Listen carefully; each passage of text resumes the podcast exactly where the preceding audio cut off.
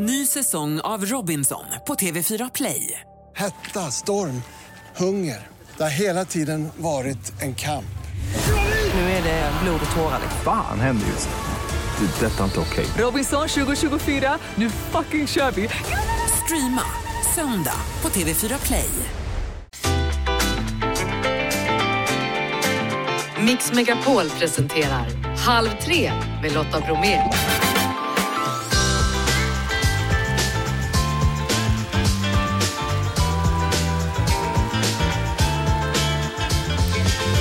Hallå där och varmt välkommen in i Halv tre-studion. I dagens tisdagsmix. Han lämnade sitt jobb och bosatte sig i en husbil, allt för miljöns skull. Möt Gurgi. Dagens tisdagsgäst heter Kajo och är med i nya Drag Race Sverige. Fredrik Sjöshult har koll på den senaste och nya våldsvågen. Tisdagsteknik med Martin Appel. Idag handlar det om att pimpa hemmakontoret. Voltige ska det handla om. Och apropå konstiga namn, det ska vi också tala om, denna ovanliga dags namn. Men strax så blir det ny musik med Frina Örn.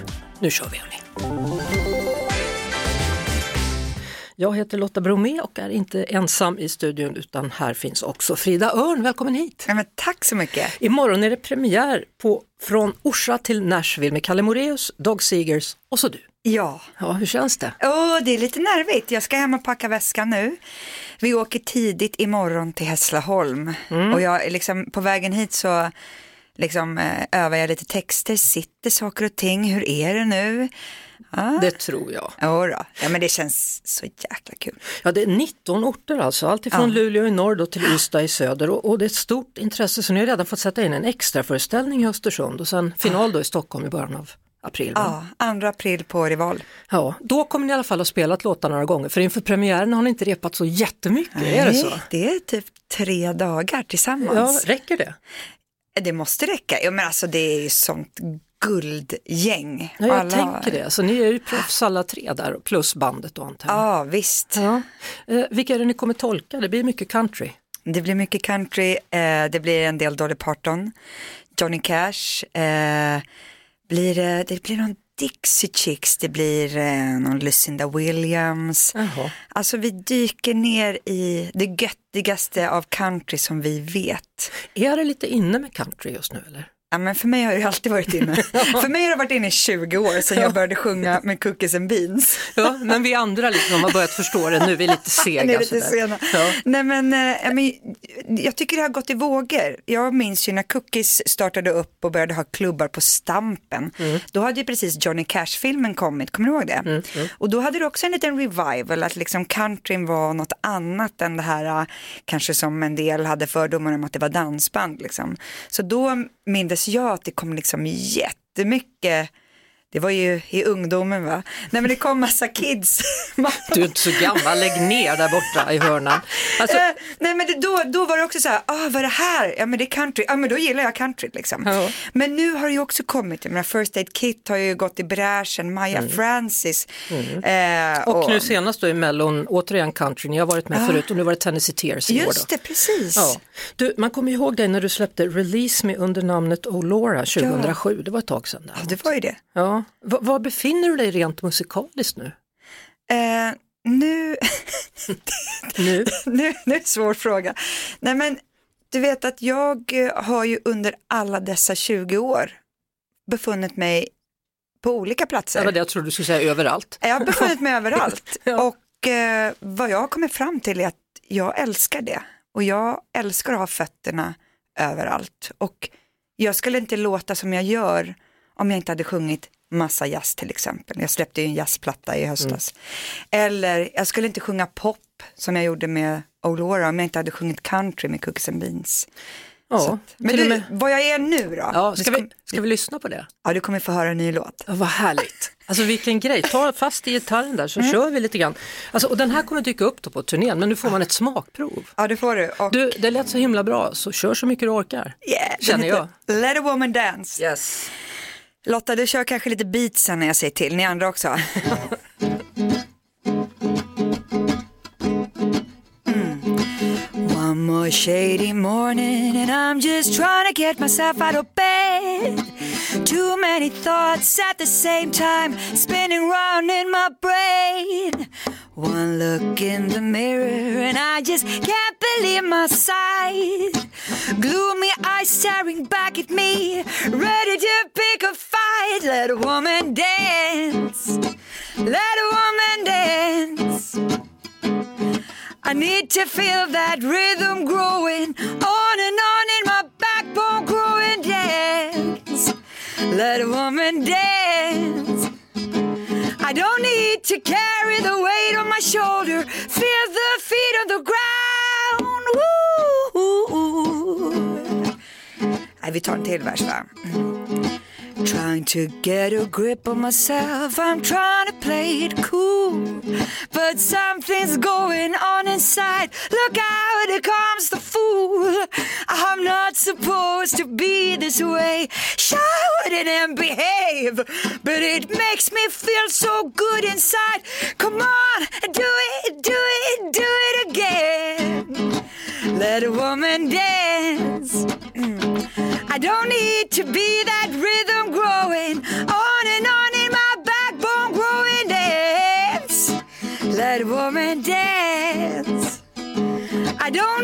to carry the weight on my shoulder. Feel the feet on the ground. Yeah, yeah. Ooh,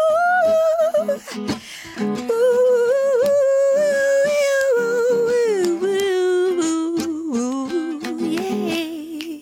Precis, nu, det är en sista vers. Okej. Kan ni liksom hålla takten? Ja, sånt där. Bra. So if you have a gloomy face like me and feeling stuck You've thrown your dice, has played your card without a single luck Crack up the volume, start to move as if you were insane You're spinning round and round just like the monkeys in your brain Let a woman dance Let a woman dance. Ja, Bra!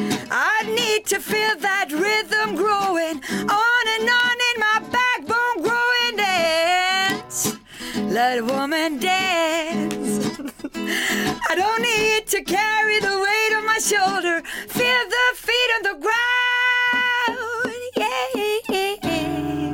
Herregud människa. Åh, du är så säker. Det måste ju vara en av Sveriges bästa röst, röster, alltså på riktigt. Nej, men, Jo, det tycker jag faktiskt. Alltså, och bara sådär. ja, men det, det, är så, det är så det ska göras. Pappas gitarr, det här är pappas gitarr som jag fick. Ja. Första gitarren. Det kändes så himla kul att få spela på den. Och nu får den åka med. Ja, nej, men den ska fasiken åka med. Det är klart den ska åka med. Ja. Vi har ju invigt den nu. Ja. Kör nu försiktigt, det ska bli Ja. mycket snö så ni ska ända ner till Hässleholm så håll avstånd, Yes. lugn och eh, stort tack för att du kom hit Frida. Tack för att jag fick komma. Vi ses där ute på vägarna. Det Det, gör vi och hälsa grabbarna. ska jag. Halv tre med Lotta Bromé på Mix Megapol. Journalisten Gurgin Bakircioglu säger upp sig från Sveriges Radio, lämnar sin lägenhet och flyttar in i en husbil tillsammans med sin hund Ronja. Allt för att minska då klimatpåverkan. Men föräldrarna förstår sig inte på den här nya minimalistiska livsstilen. Gurgin som tidigare drev en kebabrestaurang med sina bröder försöker nu få sin pappa att bli vegan. Mamma drömmer om barnbarn men Gurgin funderar på att sterilisera sig. Och nu har det här filmats till en dokumentär som kommer på SVT ikväll. Välkommen hit Gurgin! Tack så mycket. Ja, du levde som många andra, jobbade för karriär, var förlovad, hade köpt bostad men du var inte nöjd. Varför då? Eh, Det kändes tomt. Hur länge ska man plöja på i medelklassens Las Vegas så här? Vad, vad är endgamet? Eh, hur länge gör vi det här och för vem gör vi det? Och då insåg jag ganska snabbt att jag gör det för att imponera på andra, min pappa, men också det är samma så här klassiska eh, invandrarberättelser från, så som många andra från Kurdistan, att man har förlorat allt, nu kommer man hit, nu ska man, jävlar vad man ska bygga upp ett liv och det finns eh, inga stopp på karriärismen. Gjorde du allt på en gång, alltså sa upp dig, bröt förlovningen och flyttade? Eh, I den här ordningen, jag blev dumpad, bodde från soffa på soffa ett halvår eh, och eh, sen så tänkte jag jag måste in i matchen igen och fixa boende. Och då hade jag tänkt på husbil ganska länge, ett enklare sätt att leva på. Då förstod jag att det var mycket billigare, om jag levde billigare kunde jag säga upp mig för att jag tyckte att det var ganska tomt det här, det är ett tomt lönearbete, jag förstod inte riktigt vad jag gjorde där. Um, och då kan jag börja planera sig, men jag kan leva på typ 3-6 tusen uh, kronor i månaden och, och därifrån så ledde det också till att jag började fundera på prislappen. När jag började titta på priset för sakerna som jag köpte och som jag tjänade in så tänkte jag, men vad är prislappen för min livsstil? Och då kom liksom veganism där och genom köksvägen tror jag hittade klimatet och insåg att jag måste göra någonting viktigare med mitt liv än att fokusera bara på att bygga upp en ekonomi. Jag måste gå ihop i grupp och jobba liksom. Men, när du då lämnar allt sammans, kände du någon som helst tvekan? Du var aldrig orolig att du skulle olja, ångra dig för du säger upp dig från ett jobb och, och så vidare och så vidare. Jag, jag kände att jag hade kommit till en ganska dålig plats ändå. Det, det fanns ju ingen ny botten kände jag. Så att jag var ju sjukskriven för tristess, alltså bore-out. Vi pratade om burnout men det här var bore-out. Det var så himla tråkigt. Eh, jag kunde göra mycket mer med mitt korta liv och så här, fundera mycket på liv och död. Och det var ju det som gjorde att så här, ja men blir det fel så blir det fel. Men jag har nog faktiskt aldrig ångrat Nej. det någonsin, så det är skönt. Du, du har ju sagt att barn är söta men inte miljövänliga. Det kan Mm. ju provocera en del. Det kan det absolut göra. Barn som, eh, alltså det kommer med, vi pratar ganska mycket om resurser och hur vi ska använda dem men inte antalet användare. Då tänker jag genom frivilliga beslut och ändra normer, det finns massa där ute som är barnfria också.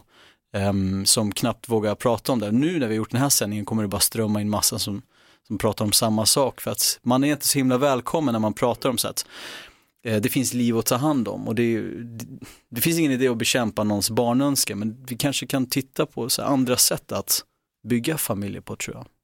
Så vad säger du till din mamma då som längtar efter barnbarn medan du funderar på att sterilisera dig? Eh, jag ska inte spoila filmen men det eh, har ju, det skaver Det skaver, fortfarande ja. än Mm. idag. Men tack och lov, de, de är stöttande. Så. Och pappa då? Han, honom vill du få till vegan, hur går det? Alltså, jag är ju den ständiga besvikelsen för honom och han kommer inte lägga om. Men det är så här, han äter mycket mindre, jag är glad för det. Men, men hur, Tvångsvegan. ja, men hur, hur lever du med det då? Att, att du är en besvikelse, bryr du dig eller blir du ledsen någonstans inuti dig själv för det? Jag, jag tror att jag gick in med det hela med att jag ska gå in och trubba ner mig själv. Nu ska jag höra allt som finns att sägas. Eh, sen så kom man till en punkt där man bara, jag har nog inte hört någonting annat än de återkommande tio. Så nu hör jag det här motargumentet som är på väg och då kan jag lika gärna, liksom, inte stänga av, men här, ta in det här, om det gör ont, behåll det, äg det. Eh, men inte undvika någonting. Så här, läs alla jobbiga kommentarer, lyssna på vad familjen säger. Liksom. Nej. Det är Gurgen som är gäst som har berättat hur han sade upp sig från sitt jobb och flyttade in i en husbil och gjorde det av med en massa saker. Massa saker. Hur många hade du kvar till slut? Jag tror att jag experimenterade med, någon gång hade jag väl så här 39 grejer, sen blev det till 50 saker. Men det var så ganska svårt att ha eh, så få saker för att jag, jag tänkte att jag behöver bara en kastrull och det kan jag laga all mat i. Sen bara, jag kan, det är jobbigt att koka te och kaffe och liksom, I grötkastrullen ja. är exakt samma. Och så här. så att det, jag har experimenterat mig fram, men många år så levde jag i en väska, nu har jag fler saker, jag tror att hela mitt liv får plats i en garderob nu. Du drömmer om att leva ett självförsörjande i ett sånt här tiny house, lite som Petson och Findus. Ja. För- Förklara. Nej men det är så himla charmigt, vi har ju sett nu med eh, klimatkrisen, inflation, pandemi, alltså hur, hur vi reagerar när det där händer. Vi springer och köper toabalor och hundvalpar och så. Jag vill tänka att jag vill ändå reagera annorlunda och så långsiktigt börja jobba för att så här, göra mig mindre beroende av de här stora systemen. Så att jag kan, kanske inte så hundraprocentigt, det tror jag inte direkt liksom, men kan börja med rotfrukter, det är väl ganska enkla att driva upp. Ehm, Mm. Och eh, vara så lite beroende av ett stort system som möjligt. Men, men alltså, åka omkring en husbil då, är det bra för miljön? Vad, Nej. vad, vad går den på? Den går ju på diesel, så det är, mitt stora, det är min stora klimatsyn. Um, det ska vi se nu, jag har haft 1,7-2,5 ton utsläpp om året i snitt. Hur har du räknat ut det? Genom alla de här apparna och de är också vanskliga för att de tar ju... Är det, är det bara bilen eller är det du som person? Det är, of, ja, det, det är hela, hela livet. Okej. Eh, och nästan allt det här är ju från eh, min dieselförbrukning. Så att jag hade kunnat frigöra mig från det också. Så mm, det, det är där jag hycklar liksom. Men eh, jag gick ifrån 10 någonting, och det är så här medelsvensson, till, till så här nu. Jag kan ju fortsätta pressa det hur mycket som helst men jag har bestämt mig för att lägg den där energin på att liksom arbeta, Ja. eh, gå ihop i grupp istället. Det är du, hunden Ronja Mm. och en hund till, är det så? Bror, Jaha, han är med också. Jag hittade han i Portugal. Ja, ja. Ja. Och sen har du släppt in en tjej i ditt liv som du är lite halvsambo med om jag har fattat det så. Ja, deltid eh, bor vi tillsammans och det är ju en del utav hela det här fria flum, det flumlivet men eh, vi båda har länge liksom, vi har levt i massa tvåsamma förhållanden så vi ville ha en öppen relation och det är ju så här skitkul för att det har vi aldrig varit någonting vi har tjafsat om någonsin så att vi båda är med på de här omställar, gröna, veganska, ekologiska grunderna där vi liksom tar hand om djur. Men skulle du kalla dig för flummig eller? Ja men jag är flum, jag vet det, jag ser mig själv ut. Det är också så här för att jag själv har tänkt så om sådana som mig tidigare. Så att jag försöker äga fiendens epitet, det vill säga gamla Gurgens eh, beskrivelse och slå den på pannan på mig. Jag vet att jag är flum, jag äger det. Ja, det är väl okej då. Om du vill vara det så var det. Nej, du sa inte, jag sa det. Ja, det är du som säger det. När, när köpte du något senast och vad var det i så fall? Eh, stapelvaror, det är mat. Eh, grej, alltså man hittar ju alltid soprum, folk Det slänger var det jag skulle fråga. Är du där i en dumpster också? Ja, såklart. Eh, Det slängs mat för typ, jag brukar dumstra utanför, alltså mina butiker, det är så här 5-10 tusen spänn om, om dagen varje kväll. Så varför ska jag gå in och köpa grejer där när jag kan gå in i soptunnan precis utanför Och- klockan nio. Var tjänar du pengar någonstans då? Jag jobbar en dag i veckan med föreläsningar. Ehm, eh, journalist egentligen, så att målet är ju oavsett vad jag jobbar med, jag jobbade ett tag som kolloledare, jag jobbar som lärare så här. Slösa så lite som möjligt så att jag kan hålla mig en, en arbetsdagsvecka så jag kan fortsätta liksom, träna och meditera och så. Så hur ser en dag i ditt liv ut? Det är, det är så schemalagt. Träning, meditation, hundpromenader, tidningar, böcker, vän, tjejen ber mig springa på massa ärenden, sen är jag hemma. Ja. Det är min dag. Har du tv? Nej. Jag har Eller? en telefon, där finns ju allt. Ja. Så, så det kör du med i alla fall, mobiltelefon. Ja, det är ganska nice. Ja. Allt i ett. Hur, hur tänker du ditt liv om tio år? Eh, jag vet inte. Alltså allt är ett projekt, allt är tillfälligheter. Men jag hoppas på att jag lever den här Petson-grejen. Ehm, det kommer ju förmodligen bli en längre dokumentär här, det är ju regissören Hoger Hiroris film. Så han vill ju göra en lite längre film. Eh, då får vi se om, det, om vi kommer dit. Så att ehm, jag hoppas det. Men från och med nu i alla fall kan vi se filmen ikväll då på SVT, dokumentären Aldrig mera kebab om dig och ditt liv i husbilen. Läskigt. Tack för att du kom hit Körgen. Tack.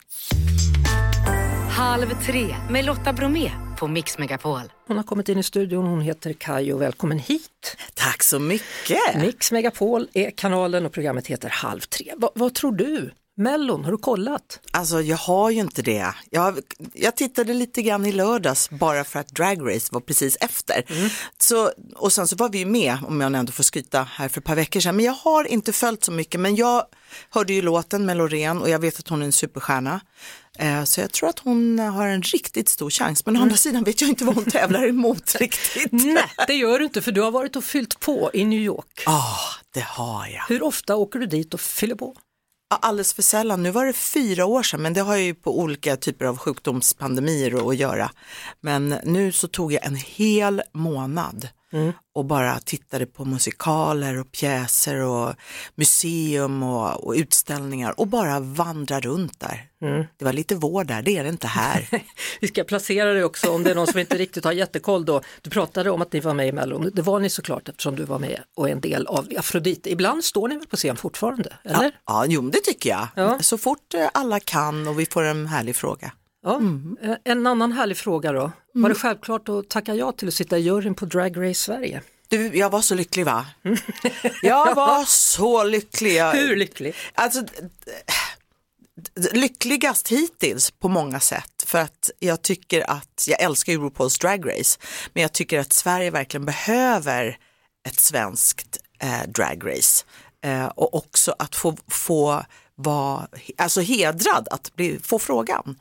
Jag är ändå en straight kvinna men, men jag älskar att bli kallad för faghag och det vill jag gärna vara och har liksom varit liksom en del av en annan minoritet sen jag var liten. Så att, ehm, Det var faktiskt det, det står faktiskt på mitt papper. Jag tänkte kolla om du känner igen dig ja, i det utanförskapet, berätta. ja, ehm, redan som liten svart tjej så var, vi, var jag en minoritet och då var det ju klart att man klungade ihop sig med andra minoriteter och eh, min bästa kompis mamma, hennes frisör var gay bög, kille och alla de hängde på Monte Carlo, en krog i Stockholm. Så vi fick följa med dit och liksom direkt så såg man ju att här, här är det glädje, här är det, är det liksom fritt och högt i tak. Så att sen så har det liksom bara, jag har stannat kvar i den där världen och vi hade direkt mycket att prata om. Men, men du har också haft en del gayklubbar som du har drivit Ja, absolut. under åren. Absolut. Eh, haft fantastiskt roligt. Eh, eh, Sipper var den sista jag hade tillsammans med Torbjörn, Tobbe Nyman. Och det var fantastiskt, jättekul. Och nu sitter du alltså då i juryn då på Drag Race Sverige ihop med Farao och sen så är det en gästdomare varje gång och så är Robert Fuchs då som vi hörde i fredags här i programmet, han och Farao var här. Eh, och Mona Sahlin var här och de pratade då av vikten, speciellt Mona, att man måste röra till lite här i Sverige, man måste Ja. provocera lite och jag blev så här, men kommer det här verkligen att provocera? Men det gick ju inte mer än en dag förrän det provocerade. Ja, det gjorde det. Ja, det är klart. Men det är klart att vi vet ju hur Sverige ser ut nu, eller vi har en aning om hur det ser ut och det är klart att någon jävel retar det väl alltid. Men det, det ska det väl göra, det ska, det ska röra om. Men det viktigaste är att det finns och att det finns ett utrymme för alla och det här i synnerhet är otroligt viktigt och rätt just nu och lite sent. Men bättre sent än aldrig. Eller hur? Den som väntar på något gott väntar aldrig för länge. Har vi något Nej. mer som vi kan slänga ur oss? Näm- nämligen, nu rätt slev i grytan bara. Rör om, rör om. Du, i alla fall, 80-talet, vad betyder 80-talet för dig? Oj, det var då det hände. det betyder jättemycket för mig. Det var, jag tänker att men ni minns själva, vi som är gamla nog, liksom börsen och folk tjänade otroligt mycket pengar och så växte man upp i det där. Det var liksom otroligt tillåtande och otroligt mycket klubbar här i hela Sverige faktiskt. Det fanns många ställen att roa sig på och det fanns liksom en frihet och en carefree, nu pratar jag lite svengelska, men liksom sådär, jag kan göra vad jag vill känsla med 80-talet som jag, Ja. som jag tyckte väldigt mycket om. Det var härligt att växa upp i det. Och du hängde där med de här Svemix-människorna och Dennis Pop Ja, och, Latin Kings och Ja, allihopa. och Breaking Bread och man fick gå på Café Opera liksom som 17-åring och, och göra modevisningar och sånt där. Jag vet, vi, vi var på skolresa en gång till Stockholm Ja. och jag hade precis, eller nej just det, och så skulle vi gå in på Victoria tror jag var och så sa de, ja men gamla är ni då? Ja, nej, ni måste vara äldre för att komma in här. Ja. Och sen så kom vi tillbaka på en skolresa ett tag senare och då hade jag fyllt 18 för jag fyllde så sent på året. Ja. Så du vet, han bara, hur gammal är du nu då? Och jag bara, ja jag är 18, jätteglad. Ja det är 20 här du. Det gick inte då igen. Fasen! fick inte vara med. Man vill alltid höra till på något vis. Ja. Hur var det med dig? Ja men precis. Var Jag det här tror- du hittade någonstans att höra till med det här ja, gänget? Ja, jag hittade ju dansen framförallt Mm. på 80-talet och musiken och tillhörigheten i den grupperingen. Vi var ju liksom återigen ett gäng invandrarungdomar från Tensta och Rinkeby och från Skärholmen och Vårberg där jag liksom kommer ifrån som hittade dansen tillsammans och gick på ungdomsgårdar som fanns då. Då fanns det. Och man övade in sköna moves och liksom eh, fick uppträda och sådär. Men du var med i originalupplagan av Freestyle. Det stämmer fint. Och sen drog du. Sen Eller? drog jag. Ja, Hur jag och? Christer drog inte riktigt jämnt där. Trots att låten handlade om dig, var det vill ha dig? Ja, så var det. Han skrev den till mig. Han var lite förälskad i mig där och jag tyckte inte han var cool nog, stackars Christer. Eh, så att jag var, jag var kär i en annan kille Jaha. och då åkte jag ut. och han fortsatte sjunga låten och det blev en superhit. Ja, Ja. Eh, sen är det dans och sen är det musik och sen kör du vidare och Mm. vad händer sen då? Ja men eh, jag tror liksom eh, 89 13 december 1989 så skrev jag skivkontrakt, jag och Gladys faktiskt, El Pilar, på eh, eh, varsitt håll då, men på Swemix.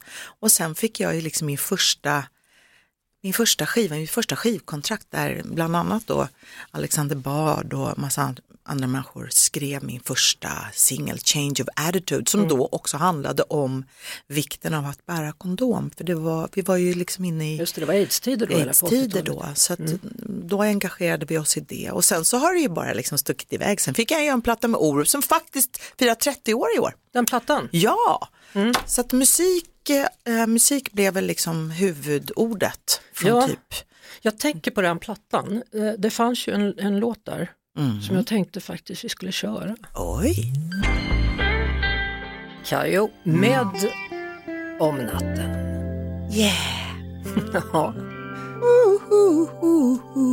30 år sedan hörru. Ja. Ja, du Orup skrev låtar och sjöng duett och grejer. ja, han skrev hela plattan till mig, det var ju jättestort. Jag sjöng och var döglad liksom. Ja, det är klart att ni ska göra något slags jubileum, 30 år är 30 år. Ja men eller hur, och som sagt jag tror det, jag är liksom så här, men hörru du måste ju släppa den här igen av ganska liksom mycket yngre människor än mig så det betyder att den ändå har gjort ett fint avtryck. Absolut. Du, för 11 år sedan, jag går direkt på sak, Mm. så fick du cancer. Ja, det var, var det? kul. Det var, det var, det är ju så konstigt just med den sjukdomen eller med några utav de där att man inte har ont utan helt plötsligt så, så är man bara på en rutinkontroll och, och jaha, nej men det här är inte bra. Nej. Det är så konstigt för hjärnan hinner liksom inte, eller i alla fall inte jag, hinna ställa om. Så det var, det var chockartat och det hade jag absolut inte tid med. Men ehm, det gick ju bra.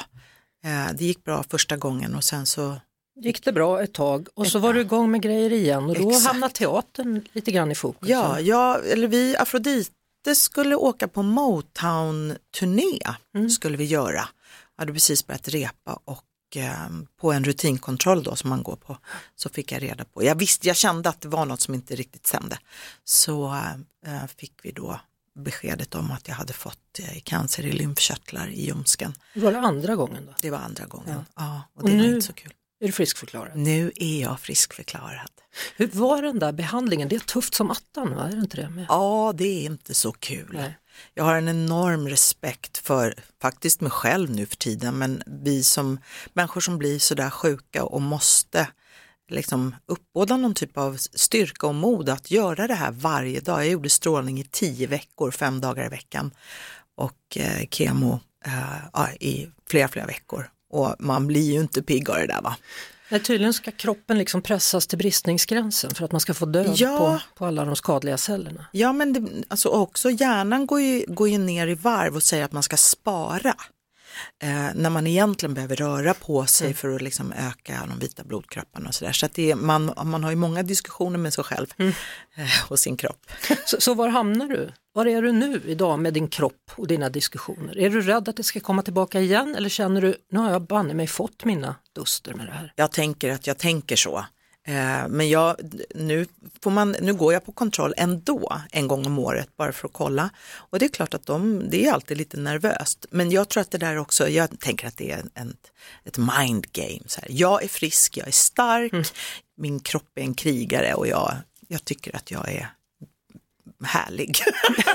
Du, jag tycker också att du är härlig faktiskt. Tack Lotta. Och- sen så är jag lite imponerad där, för jag kollar vad du har gjort de senaste åren. Du har spelat med Riksteatern, En druva i solen, du har gjort Häxorna i Eastwick 2019 och förra året spelade du på Dramaten. Ja, Det är nog inte alla som vet det. nej. Att du håller på med teater så här. Ja, det har liksom bara varit teater i stort sett de sista fem åren. Eh, Och det är helt fantastiskt. Jag tänker också för oss kvinnor som är 50 plus, så jag känner en enorm tacksamhet att liksom få byta karriär mitt i livet eller lite senare i livet som kvinna också. Eh, Så det är jättekul. Vi, vi kvinnor eller vi människor ska fortsätta att lära oss nya saker, utmana oss. Det är skitkul, jag lovar. Ja, vilken blir nästa pjäs då? Nästa teaterföreställning? Nu eh, ska jag göra, jag ska vara på Stadsteatern eh, till hösten och göra en pjäs som heter Min fantastiska väninna. Sådär ja. Och sen så ska jag få göra, vara med i en opera på Drottningholmsteatern. Du vet, det bara pågår. Ah, Det är tack. underbart. Tackar, tackar, vem det nu än är.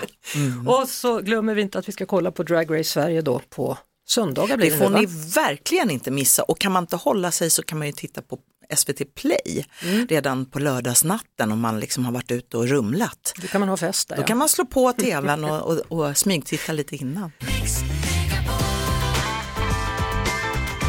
Halv tre med Lotta Bromé. Mm, är ni med då? Hertvig, Chevrolina, Valencia och Amandus. Eller som lilla Anna skriver, mina tjejer har ovanliga namn. Ina, Milva och Manda heter de. Sandra skriver, min son heter Caspian Konstantin. Det tror jag inte det är så många som heter. Det tror inte jag heller. Medan Lotta Gustafsson då säger Jadranka, det är ovanligt och vackert. Har du också ett ovanligt namn, skriv gärna in till oss via Mix Megapols Instagram stories. Eller så använder du vår mejladress som är lotta mixmegapol.se. Diesel, Valencia, Amandus och Tristan finns det också. Och en av de som har hört av sig är Hennele Andersson från Nynäshamn. Hallå Hennele! Hej! Ja du, Hennele fick du som namn. Hur har det varit att heta det? Eh, Hannele heter jag. Hannele, du ser.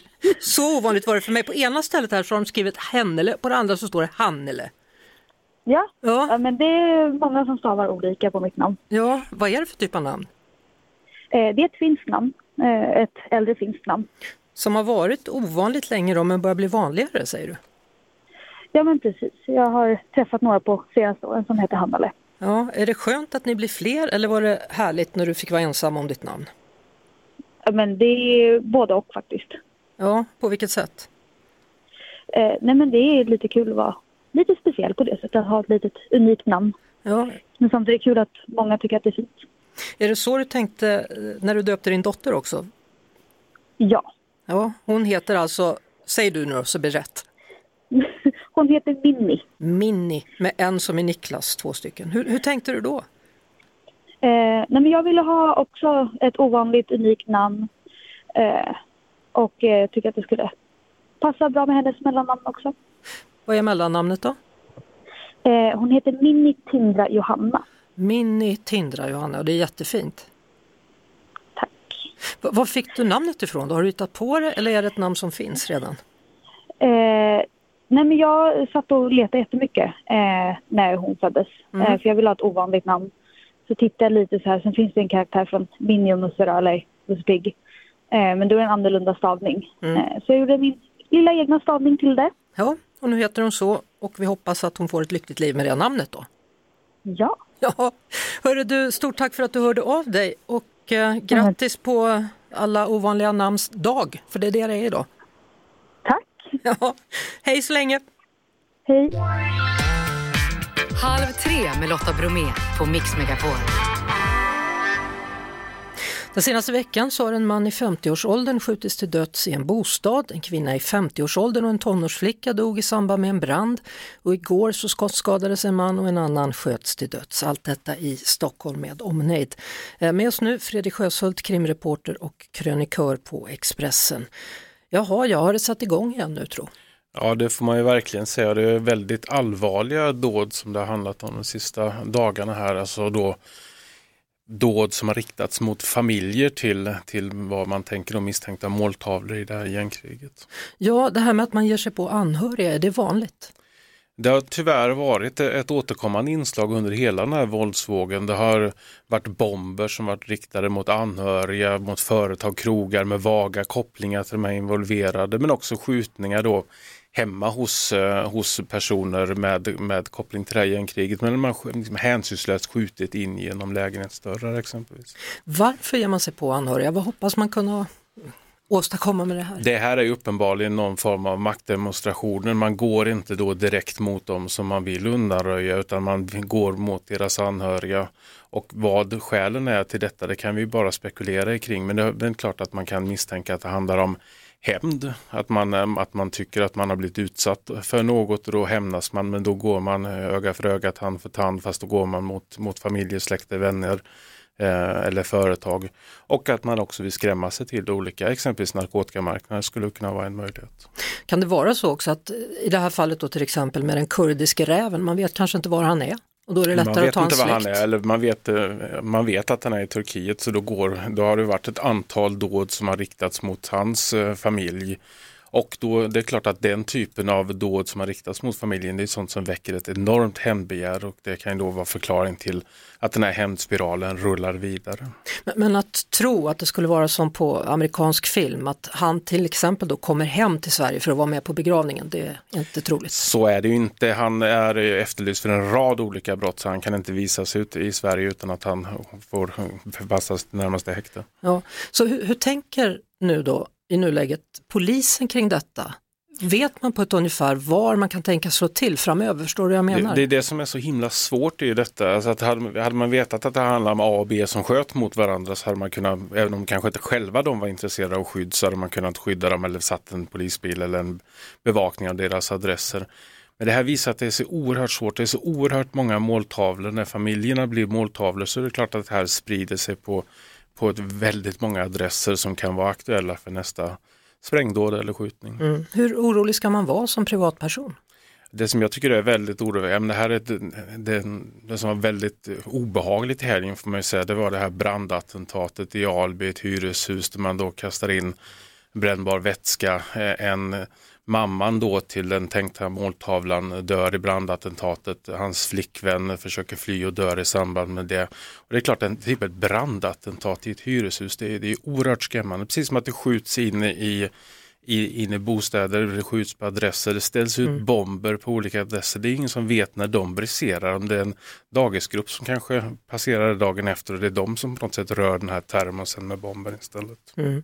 Det kom någon rapport häromdagen som sa att det är lika bra att vi vänjer oss, det kommer bli fler våldtäkter, det kommer bli fler skjutningar. Är det så illa? Jag tycker man kan inte resignera inför våldet men jag tycker tyvärr att det varit så den här sista upptrappningen som har varit den senaste veckan så är det nästan som att, att folk har vänt sig lite. Det här har blivit vardag. Det blir inte de här våldsamma reaktionerna från polisledning eller politiker, justitieminister utan, utan det här har blivit någon form av vardagsmått trots att det är ett fruktansvärda mord som, som varit de sista här veckorna, veckan då som har drabbat de här familjerna. Tack så mycket Fredrik Sjöshult, krimreporter och krönikör på Expressen. Halv tre med Lotta Bromé på Mix Megapol. Jag tittar ut genom fönstret och ser att här har snön inte börjat falla än men så ser det inte ut på andra delar av Sverige. Vi drar oss till västkusten, Pipistrello alias Anders. Hur är läget vad gäller snö och eh, vinterväder? Ja, det är fantastiskt. Jag bara rätta dig lite grann där. Bästkusten Lotta är det ju här nere då, så att, som gäller. Och här har vi då ett vansinnigt kaos. Alltså, vi börjar att vi tar oss upp mot Uddevalla-trakten och framförallt då norrgående. Där har vi lastbilar som står och tuggar efter Torp köpcenter och det är ju naturligtvis till följd av långa köer. Sen har vi då en stjärna som har tappat ut spannmål, hela 25 ton, rätt ut över eh, e E20 och det är mellan Lyrestad och Hova där då vägen är avstängd. Vägen är också avstängd i Frändefors, 45an, sedan klockan 13.00 och den status som vi har på den avstängningen är fram till 16.30 så du fattar ju Lotta. Ja, och sen har jag hört att alla tåg har ställts in i Halland. Ja, det är ju ja, men det är kaos alltså. Det är ju helt otroligt. Det är 2023 och så måste man stänga av grejer för att eh, det kommer lite snö. Och man skäms ju nästan som eh, snubbe härifrån västkusten att inte kan hantera detta och få ordning på vår infrastruktur. Det är ju helt otroligt va? Ja, och hela södra Sverige verkar vara helt eh, nerbombat med snö, eller? Ja, vi är helt lamslaga. Men som tur var Lotta så fick jag ju lov att låna dina broddar när vi träffades sist. Så att jag klarar mig jättebra här nere. Vad skönt för dig. Eh, det här ska ju fortsätta då så att det är orangea och röda varningar om vartannat då för södra Sverige, eller hur? Ja, och det är ju så. Och eh, framförallt hade vi en kaosartad eftermiddag igår och vi hade en morgon som var också kaos och det fortsätter ju här in på eftermiddagen. Precis som du indikerar Lotta så har man ju flaggat upp på att det ska vara också stökigt, väldigt stökigt imorgon också. Så att det gäller att man är påpälsad och framförallt nu, många har ju trott att det är sommar ute för det har varit kanondagar här innan detta kaoset och folk har då varit lite kaxiga och slänger på sina sommardäck och det är ju förödande naturligtvis mm. när det blir sådana här vinterväglag som vi har nu just i stora delar av vårt eh, sändningsområde. Mm. Men, men, just då att, att ge sig ut på vägarna i det här vädret, polisen säger stanna hemma. Ja, absolut. Har man då möjlighet att kunna jobba hemifrån så är det ju ett ypperligt tillfälle att göra det. Ja. Du, tack så mycket. Vi får hoppas att du klarar det. Du får väl låna broddarna så länge du behöver dem då. ja, jag skickar dem på posten sen. Och kör vackert nu kära lyssnare, lova mig det. Ingen full fart och avstånd, så är det va? Ja, jättebra. Tekniktipset. Det är tisdag och det är teknikdags med vår teknikexpert Martin Appel, konsumentredaktör på PC för alla. Välkommen tillbaka! Tack så mycket Lotta! Hörru du, jag har väntat på det här hela veckan. Vi pratade om det förra veckan, vad du skulle prata om idag och det är Fimpa, hemmakontoret. För det är ju rätt många av oss som under pandemiåren började jobba rätt mycket hemifrån och många har fortsatt med det. Man har kanske något skrivbord, något litet hemmakontor där man sätter sin bärbara dator Och då är ju frågan, kan man inte göra någonting för att det här ska bli lite roligare och lite finare? Mm, och då pratar vi inte krukväxter eller gardiner utan du pratar till exempel högtalare. Säkert jättetrevligt med krukväxter och gardiner också, men en av de viktigaste sakerna man kan skaffa sig, det är ett par bra högtalare. För våra datorer har som regel urusla högtalare och samma sak gäller ju ofta med mobiltelefoner. Och många av oss gillar ju att sitta och lyssna på musik eller lyssna på radio när vi jobbar eller man tittar på ett filmklipp. Och då är det ju bra att ha en högtalare. Och det är inte varken speciellt dyrt eller krångligt. Nästan vad du än köper i högtalarväg, det är bättre än det som finns inbyggt i datorn. Mm, och de flesta går också att bluetootha så man behöver inte oroa sig för att det ska bli ännu en sladd. Du kan välja sladd om du vill det, men de flesta nya högtalare, de använder bluetooth, den här trådlösa tekniken. Då behöver du bara en gång för alla koppla ihop datorn med din trådlösa högtalare och sen spelar den musiken eller radion i den här högtalaren. Mm. Ja, det finns till och med högtalare som också samtidigt är lampor. Ja, det har ju blivit ett sånt stort intresse för högtalare och då tänker man vad kan man göra istället? Då har Ikea tänkt smart och så har man lanserat bordslampor som också har en inbyggd högtalare i sig så att man inte behöver ha så att säga en extra pryl där på skrivbordet. Det är ju så att eh, många som jobbar hemma, de har ju inte längre en stationär dator utan man har en bärbar dator. Nästan alla nya datorer som säljs är faktiskt bärbara datorer och det är ju jättesmidigt när man är på resande fot men jag tror ganska många tänker tillbaka på den här tiden när man hade en stationär dator med en stor skärm, ett ordentligt tangentbord och en bra mus. Men det här kan man ju faktiskt ha även med sin bärbara dator. Det är ju inga problem att köpa en skärm. Platta skärmar är ju rätt snygga, tar inte så mycket plats. Du kan köpa ett riktigt tangentbord och en riktig mus. Och kopplar du in det till den bärbara dator, då får du lite det bästa av två världar. Du har en bärbar dator som du kan ta med dig på resan, men när du är hemma, då behöver du inte ha den här jobbiga pekplattan. Vi är nog ganska många som är rätt dåliga på att använda pekplattor på ja. bärbara datorer. Du känner igen det? Ja, jag har alltid en, en extra mus. Du har det? det. Ja. Om man då ogillar sladdar så kan man göra något åt det också. Man tänker ju ofta att tangentbord, mus och så kanske som förr i tiden när vi pratade om stationära saker hade sladdar. Nu är ju de många gånger trådlösa. Men även om det är så att du har prylar som behöver en sladd, du kanske har en skrivare inkopplad, skärmen har nästan alltid en sladd. Då kan man köpa någonting som kallas för en dockningsstation eller docka. Det är helt enkelt en liten låda. Ja, fast jag tycker det ser ut som en liten docka, en liten gubbe med armar och ben. I och för sig, det har du faktiskt. Det är kanske därifrån ordet kommer. Den har i alla fall en mer tråkig användningsområde än vanliga leksaksdockor och det är att du kopplar alla sladdar till den här dockan. Så att du skaffar den här lilla dosan, du ställer den på skrivbordet, du kopplar in sladden, tangentbordet, musen, skrivaren, allt annat du har. Du kanske har en webbkamera speciellt. Och sen kommer du med din bärbara dator och då behöver du bara koppla en sladd mellan datorn och den här dockan. Så då blir det väldigt mycket enklare att variera mellan att vara på resande fot och att sitta på sitt mysiga hemmakontor. Jag tänker ändå om man vill ha det extra mysigt, det är klart man ska ha en docka. Såklart! Så har man en arbetskamrat. Vilken docka skulle du ha? Ta någon liten söt stackare som sitter där och håller mig sällskap på dagarna. Jag är lite mer förtjust i mjukdjur men det, det är min favorit. det är din favorit. Martin Appel från PC för alla. Vi ses igen om en vecka. Ja men det gör vi. Toppen. Halv tre med Lotta Bromé på Mix Megapol. Eh, vi har ju pratat om konstiga namn. Nu ska vi prata om ett konstigt ord, i alla fall för mig, men ni som vet vad det är, ni vet vad det är. Voltige. Nora Eriksson från Köpingsklubben Fortuna Voltige har blivit uttagen till landslagets utmanartrupp i just Voltige, nu har jag sagt det fem gånger. Målet är att ta en plats till Voltige VM i sommar. Eh, först och främst Nora, heter det Voltige? Eh, ja, det heter Voltige. Ja, hur länge har du vetat vad det är för någonting? Eh, sen 2014 eh, då klubben kom och visade upp sporten i eh, gympasalen på min skola. Ja. Berätta, vad är det för någon sport? Eh, voltige är en sport där man utför olika typer av gymnastiska övningar på en häst i galopp eller skritt beroende på vilken nivå man är på. Men du, alltså, i, på, hade ni det i skolan, i gymnastiksalen, sa du det? Ja, eh, när jag gick på fritids, eh, när jag var ungefär 7-8 år, så kom de och visade upp Så de tränade i den gympasalen eh, på trähäst. Ja, på trähäst. Jag, jag, jag blev så här, gud, tog de in hästarna i gympasalen? Ja, men riktigt nej. Så, nej, så var det inte, utan det var mer de här Nej. andra typen av trähästar. Då, då. Jaha. Ja, exakt. Eh, börjar man med gymnastik och tänker att det här vill jag göra fast svårare eller börjar man med ridning och tänker det här vill jag göra svårare? Alltså, det beror ju på.